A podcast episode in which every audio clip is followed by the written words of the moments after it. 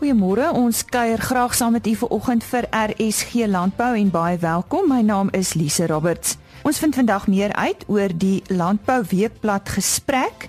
Dit is 'n konferensie wat in die Wes-Kaap plaasvind tydens die Agri Expo Livestock. Ons wolmarkverslag kom ook aan die beurt en dan gesels Henny met die jeus oor kalfgesondheid. Die Alpha Expo is goed onderweg en ons herinner u net weer aan 'n paar hoogtepunte en dan vind ons meer uit oor die Buffel Bull wat vir 168 miljoen rand verkoop is.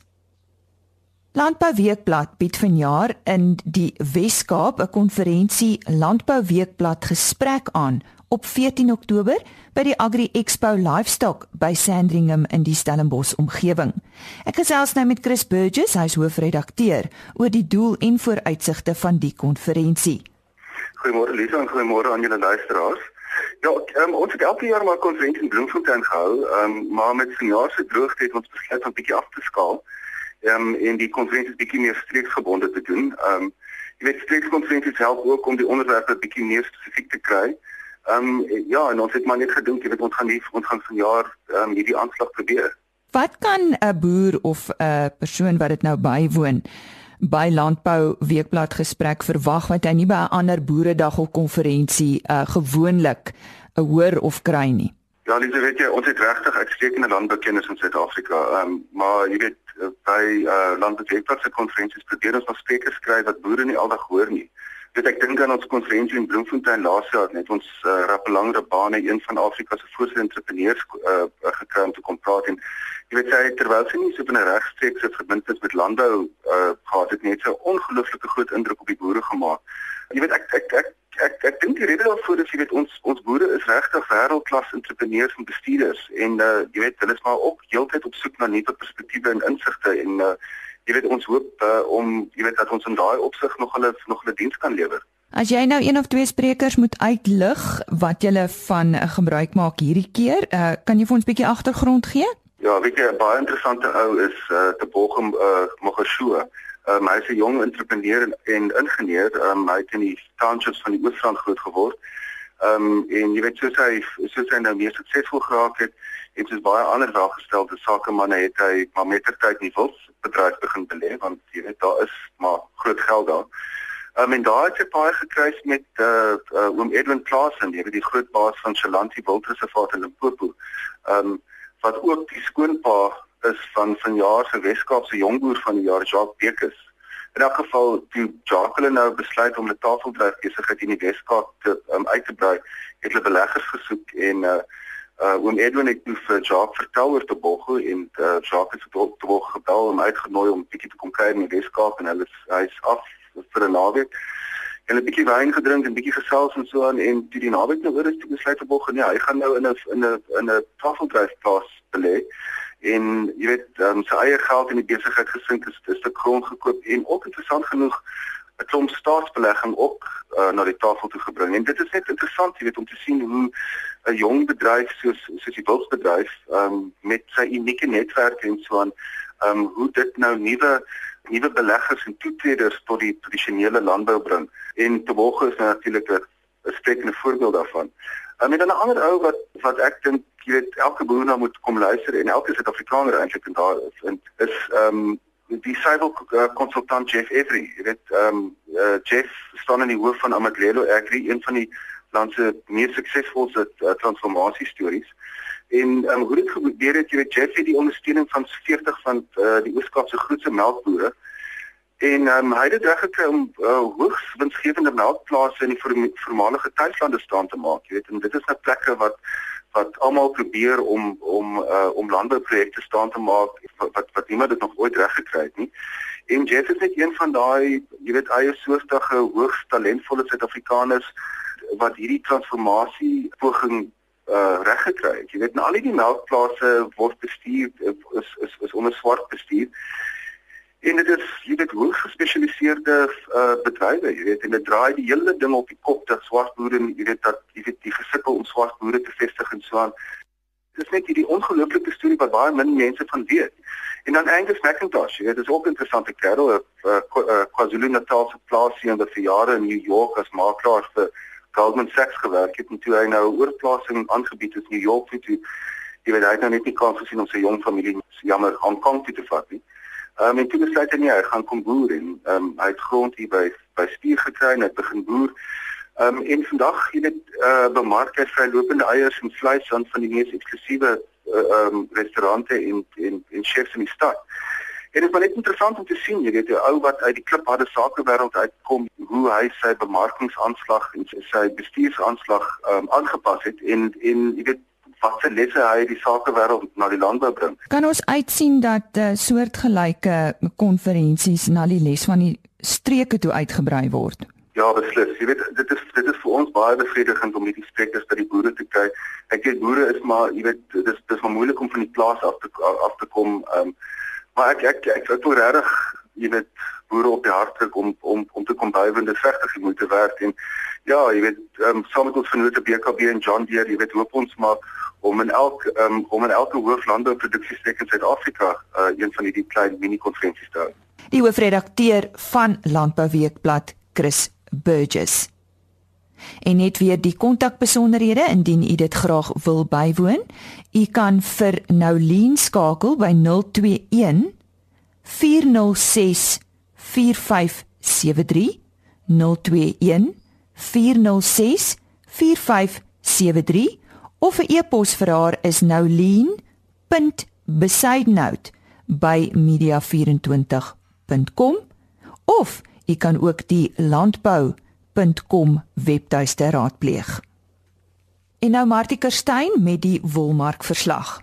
Die wolmark het beduidend laer verhandel by die laaste veiling. Die Cape Wool Merino aanwyser het met 5,4% gedaal en gesluit teen 'n waarde van R147,42 per kilogram verskoon wol. Op die Australiese mark was die aanwyser 1,4% laer, terwyl die Cape Wool alle wol aanwyser met 5,4% teruggesak het. Altesaam 92% van die sowat 8000 bale wat op die veiling aangebied is, is verkoop. Die gemiddelde skoonwolpryse vir die seleksie binne die verskillende mikron kategorieë van goeie langkamwol tipes was soos volg: 18 mikron neem af met 2,3% en sluit teen R162,73 per kilogram. 18,5 mikron neem 4,5% af en sluit teen R157,73 per kilogram. 19 mikron daal met 5% en sluit teen R154,71 per kilogram. 19, 5 mikron daal met 5,8% en sluit teen R150,71 per kilogram. 20 mikron verswak met 7,1% tot op R146,48 per kilogram. 20,5 mikron daal 6,1% en sluit op R147,55 per kilogram. 21 mikron neem af met 7,3% en sluit op R146,29 per kilogram. 21,5 mikron daal met 6,8% tot op R144,81 per kilogram. 22 mikron verhandel 8,5% swakker en sluit op R142,03 per kilogram. En laastens, 22,5 mikron neem af met 3,6% en sluit op R147,85 per kilogram. Die volgende veiling sal op 28 September in Port Elizabeth plaasvind. En ons sê dankie aan Martie Kerstyn. En ek gesels nou met August Lingnau. Hy is van die Jeus produkbestuurder Suiwel en hulle fokus op kalfgesondheid. August, wanneer is dit die beste tyd uh as jy mense met 'n voedingsregime vir kalfgesondheid moet begin. Ja, die beste tyd is eintlik al reeds voor kalwing. Jy bepaal baie van jou kalf se gesondheid deur middel van jou kolostrum kwaliteit. En dit kan jy reeds voedings voedingsverwant aanpas um deur met jou droogkoeiplan uh korrekte voeding toe te dien. Nou as ons praat van 'n uh, droogkoeiplan, weet ons as sulk wil nie net kyk na opstoom nie, maar ons begin al reeds in die laat laktasiefase, weer die vorige laktasie begin ons kyk na goed soos koei kondisies, sulke tipe goeders en dan om ook die korrekte voeding toe te dien tydens die verlangsfase. Dit is 'n fase wat baie keer afgeskeep word, dis 'n fase waar mens baie keer um kort kom op goeders soos minerale en energie en diere loop verloor aan kondisie. en uh is dan nie die korrekte kondisie wanneer hulle opstoom inkom. Meeste mense het 'n effektiewe opstoomplan. Daar, weet ons ons boere is van so aard, hulle is professioneel genoeg dat hulle al opstoomplanne in plek het, maar dit is nie 'n enkelvoudige um probleem wat mense aanspreek nie. En dan met die korrekte voeding in hierdie fases, um kry mense dan baie keer 'n baie hoër kwaliteit kolostrum en uh kolostrum is die grootste bepalende faktor as dit kom by by kalfgesondheid. Uh so wat jy eintlik sê is dat uh kalfgesondheid begin eintlik al uh, voor kalwing, né? Nee? Daar's drie hoofaspekte om aan aandag te gee weet met die met die toediening van byvoorbeeld kolostrum. Um weer is kwaliteit, die hoeveelheid wat die kalf inkry en dan ook die tyd na kalwing wat sy dit inkry. Nou as mens kyk suiwer na kwaliteit aspek is soos ek gesê het 'n groot rol word gespeel deur voeding um voor kalf en dan uiteraard die meet van van kolostrum kwaliteit um na kalf. Ons ons kry baie boere wat wat blindelings kolostrum toedien en nooit kyk of sy kolostrum op die op die regte kwaliteit is nie. Um kolostrometers vir die algemeen is redelik goedkoop. Um jy kan dit by jou plaaslike um weet melkmasjien verskaffer um gewoonlik kry. En dan meet mens maar net die mens, mens meet maar net die kwaliteit. Gewoonlik is jou jou ouer diere se kolostrum redelik beter kwaliteit. Hulle is ook al aan meer uh patogene kieme blootgestel in hulle lewe. So hulle hulle bied 'n beter kolostrum kwaliteit. So om 'n korrekte voeding te gee en dan daarna jou jou kolostrum kwaliteit te meet, verseker dan dat jy die beste kwaliteit aan um, by jou diere uitkry. Die hoeveelheid wat jy mens dan toedien is ook redelik belangrik. Um mens moet seker maak dat die dat die kalfie sy kolostrum inkry. Um dis baie keer wat nie gebeur nie want baie keer bly die kalfie by die by die ma en uh weet ons diere se melk en kolostrum kwaliteit is nie altyd op standaard nie en daar is baie keer probleme met die kalfie self wat nie lekker drink nie en dan kry hulle nie genoeg kolostrum in nie en dan het jy dalk die regte kwaliteit maar dit kom nie by die kalf uit nie. Nou die laaste punt is natuurlik tyd, weet hoe lank vat dit om maar kolostrum in die kalf in te kry. Dit toe toe ons ouers gestudeer het, het hulle gesê jy moet in die eerste 3 dae jou kolostrum in die kalf inkry en dit was alles goed en wel. Dit navorsing gewys dit is eintlik redelik belangrik om dit binne 24 ure in te kry. En die la, die, die nuutste navorsing wys dat mens moet daai kolostrum binne 6 ure in die kalf inkry. Want na 6 ure kan jy tot 50% van jou um, jou kapasiteit om kolostrum te absorbeer verloor. So jy kan in teorie die regte kwaliteit hê, jy kan genoeg gee, maar as jy na 6 ure weet van na 6 ure van kalwing ehm um, die kolostrum aan die kalf gee, dan kan sy net helfte daarvan absorbeer. Ehm um, wat dan eintlik die effektiwiteit van die kolostrum bediening afgee. So dis dis drie belangrike aspekte wat mense nou moet kyk wanneer dit kom by by kalfgesondheid. Uh, nou hoekom is uh, kolostrum so belangrik? Kyk kolostrum toediening wel kolostrum is belangrik want dit gee die kalf 'n passiewe immuniteit. Die kalf het nog nie 'n immuunstelsel wat effektief werk nie, maar die koei het want sy sal aan baie kieme blootgestel. Um en sy vorm dan hierdie teenlaaggaampies of immunoglobuline immunoglobuline wat dan uh oorgedra word na die kalf toe en dan half die kalf wat mens nou 'n passiewe immuniteit gee. So dit gee die kalf 'n immuunstelsel terwyl hy sy eie ene ontwikkel. Nou as mens nie daai immunoglobulien inkry nie, dan het hy in teorie geen um verdedigingsmeganisme teen kieme wat hy moontlik blootgestel kan word nie. So dis hoekom dit is 'n natuurlike manier om die, om die, om die kalfie te beskerm um en ons beter 'n bietjie met die natuur, so daarom moet ons seker maak ook dat ons dan die korrekte ehm um, prosedures volg om seker te maak dat die kalf sy sy verdedigingsmeganismes in plek kry en dit is die kolostrum en die passiewe immuniteit wat die kalf daar uitkry. Nou hierdie passiewe immuniteit en die kolostrum, die kan die kalf dalk nou help as daar droogte toestande is, nê? Nee?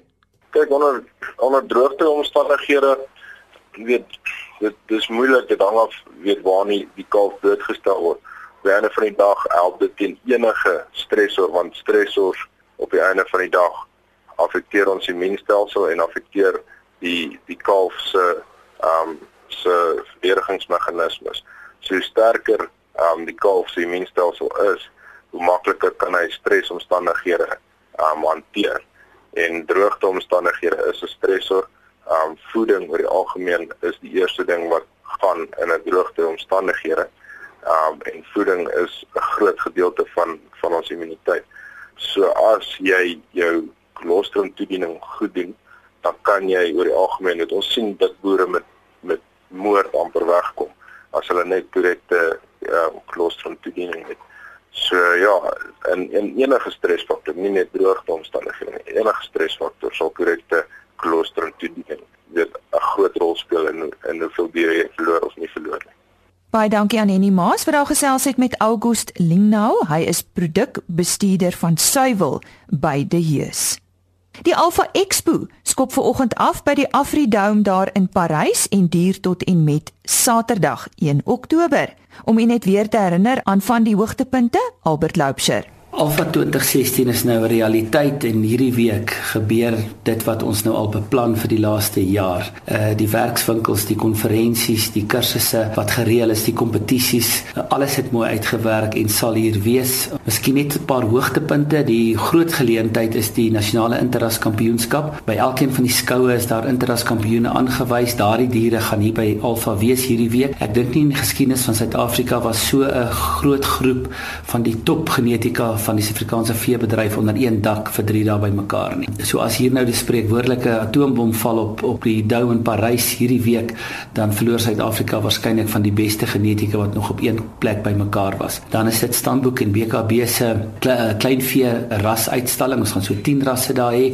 van die verskillende kleinvee rasse wat ek dink uh, lekker sal wees om langs mekaar te sien en met die mense te praat van die onderskeie genootskappe.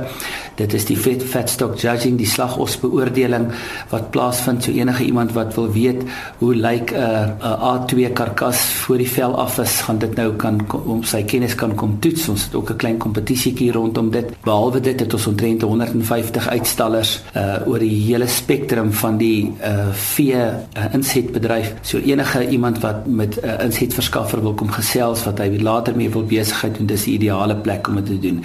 En dan dink ek wat Alfa absoluut uniek maak is uh enige iemand wat bywoon kan op die perseel kom bly. Ons het perestalle skoon gemaak, beddens, matrasse. Jy bring net jou eie slaapsak en kussing uh en vir 'n bedrag van R75 'n nag kan jy oorbly wat beteken as jy dinsdagoggend ingetrek het hoef jy eers weer jou voertuig se sleutels teen Saterdag te soek. Uh die die vermaakprogram vir Saterdag dink ek is lekker om na uit te sien na 'n harde week se werk. Die wat die wil Wasserval onder andere sing daar. Daar gaan lekker kosstalletjies wees en dan die hoogtepunt van Saterdag sekerlik die nasionale boerboel kampioenskappe. Verwag oor die 200 boerboele wat uh, ek dink nogal op, op sigself iets is om te sien as ook miniatuurperdjies wat uh, op die terrein gaan rondry en vir al die kinders dink ek gaan geniet om in die karretjies getrek te word. Vrydag is natuurlik dan die alleras veiling. Ons staan op hierdie stadium op omtrent 45 bulle van sewe rasse. So ek dink dit gaan 'n ideale plek wees vir 'n 'n boer wat op hierdie stadium nog nie uh, die bil gekoop het wat hy nodig het vir die jaar nie om te kom kyk uh, van die beste genetika in die land hier op een slag bymekaar uh Vrydagoggend 11:00. Kyk mens na die hele program, dan dink ek daar's iets vir almal. Ons sien uit om die landbouers van Suid-Afrika by Alfa te ontvang hierdie week. Dit was aan Albert Loubser wat oor Alfa gesels het en indien jy graag weer wil gaan kyk wat daar aangaan, besoek gerus hulle webtuiste. Dit is www.alfaexpo.com. Nou ja, die vraag is, waar gaan dit stop? Verlede naweek is 'n buffelbil verkoop vir 168 miljoen rand. En die maas het bietjie meer daaroor gaan uitvind. Ons uh, gaan nou gesels oor die Taba Tollo wildsveiling wat van die 15de tot die 16de September plaasgevind het. En ons praat met Ruben Els, die bestuurder van die Taba Tollo wildsplaas. Nou uh, die die veiling was nogal in die nuus van weer die tamelike hoë prys wat vir 'n vir 'n buffel bull uh, betaal is. Vertel ons weer van hierdie buffel bull Ruben. Goed, hierdie buffel bull se naam is Inala en hy is maar soos al Tabatollos ander groot bulle wat in die verlede al verkoop is vir redelike groot pryse. Kom maar uit die vrylopende stelsel uit en wanneer ek praat van vrylopend um, op 37100 hektaar, ehm um, vrylopend tussen roofdiere soos leeu's en luiperds en jagluiperds en en al hierdie dinge. Ehm um, so dis harde diere, dis nie diere wat in 'n kampie geteel is nie. Vrylopend ehm um, wilde diere Ons het hierdie bil Inala die eerste keer gesien in Augustus 2011 toe het een van die bestuurders op die plaas hom per ongeluk raakgeloop en hy was baie beïndruk met die bil het ons vertel van hom en toe die bil verdwyn en die volgende keer wat hy weer op um, opgemerk was was um, nogal insiggewend deur dieselfde bestuurder Andre Neetling en um, Andre het toe 'n foto van hom gekry en dit was nou um, in Februarie 2012 En toe het ons hom toe het hy weer verdwyn en ons, ons het hom toe daar geloop weer um, op 'n ander projek waar ons besig was met um, met ander diere werk. En ons het besluit dit was in April 2012 en toe het ons besluit ons gaan hom inbring na die na die kampe toe bloot net om om om want hy was 'n besonderse bul, horing gewys en hy was baie jonk, sê maar om en by 4 jaar oud. En ons het besluit ons gaan hom inbring om te keer dat ander bulle hom dalk nie doodmaak of sy horings breek of dat die leeu hom nie vang nie. Net om sy horings eintlik te bewaar en te sien hoe groot gaan hy word. En ehm um, stelselmatig het hy groot geword en ons het hom toe in 'n in 'n teelkamp ingesit saam met besonderse koeie en hy daar begin teel. En ehm um, stelselmatig het hy maar 'n naam in die bedryf begin ontwikkel en hy het sy eie tipe van 'n brand begin ontwikkel en almal wou hom hê en ons het gesê nee wat ons gaan eers self met hom teel om sy genetika vir onsself terug te hou en hierdie jaar het ons net 'n besluit gemaak terwyl hy nog jonk genoeg is om aan by 9 jaar oud dat ehm um, uit 'n bewaringsoogpunt uit dat dit die regte oomblik sal wees om hom in die mark in te sit dat hy jonk genoeg is om nou sy gene hierdie besonderse gene van hom oor te dra aan ander populasies want ons het nou van sy kalvers wat ons kan terugsit in die veld. So dis maar waar en hulle vandaan kom. Ja, die die prys, het julle die hoë prys verwag, 168 miljoen. On, ons het in ons wildste drome nie daardie prys verwag nie. Die die moeilike besluit was natuurlik voor die tyd met al die bemarking en reserveprys vasstel en al die al hierdie tipe van dinge. Ehm um, moes ek wel ehm um, 'n waarde aan hom koppel vir ons vir Tabatolo om te sê goed, indien hy nie is 'n sekere prys behaal nie, En wat is daai prys? Is Tabatolo bereid om hom te verkoop of is ons bereid om hom eintlik terug te hou vir onsself? En en daai prys al klaar was redelik ver hoër as die die die vorige ehm um, rekordbul wat ons verkoop het vir 40 miljoen. En so ons het verwag dat hy dat hy besonder is. Daar was soveel belangstelling in hom gewees dat ons gedink het hy gaan 'n gaan een of ander rekord slaan, maar in ons wildste drome het ons dit nie verwag nie. Uh, ek neem aan dit is uh, waarskynlik nie 'n uh, uh, uh, individu wat hom gekoop het nie. Nee, dit is dit is maar weer eens 'n um, 'n konsortium van van mense die die hoofaandeelhouers as ek hulle name mag noem. Ehm um, in hierdie konsortium is is mense by name van ehm um, Wikus Pretorius en meneer Norman Adamy en Pieter Toy, ehm um, almal bekende name in die wildbedryf en wat self uitsonderlike diere al geteel en verkoop het en ehm um, hulle het net gedink dat Inale sal baie goed doen in hulle kuddes. Uh, en die ander wat wat verkoop is, hoe hoe dit gegaan? Ja, dit was nogal verbasend geweest want Inale oorskadu natuurlik met sy ongelooflike pryse het hy 'n neiging om al al die ander ehm um, wildse pryse te oorskadu. Ehm um, nou as 'n mens Inala net heeltemal uit die stelsel uithaal of uit die verkoopsom uithaal, Ehm um, op die donderdag die die 15de September het ons 'n uh, swartwit pens veiling gehad. Ons het nagenoeg 200 swartwit pense op die veiling aangebied, 154 lotte. En as 'n mens dit vat in 'n baie moeilike ekonomiese jaar, ons sit in 'n droogte ge, gewikkel, ehm um, sommige dele in die land vir 3 jaar lank nou al. En dan Tabatolo se veiling wat aan die einde van die jaar is, aan die einde van die wel in die in die winter of in die droogteperiode nog is dan was die pryse eintlik ongelooflik goed geweest. Ons het al die swartwit pense ver, verkoop. Ehm um, daar is 'n klomp swartwit pense klaar in die mark gesit vroeër die jaar. So ons het ons het verwag dit gaan goed wees, maar ons het nie gedink dit sal so goed wees nie. So selfs dit het ons het ons verwagtinge oorskry. En dan natuurlik die ander pryse ook op die veiling voordat die nale gekom het. Die nale was lot 152 op die ehm um, op die Vrydag die 16de September en so daar was 'n klomp lotte voor hom verkoop en al die diere is verkoop. Ehm um, ek dink wat Tabatolo miskien anders maak as die normale wildsveiling is dat ons noem onsself 'n pro produksieveiling.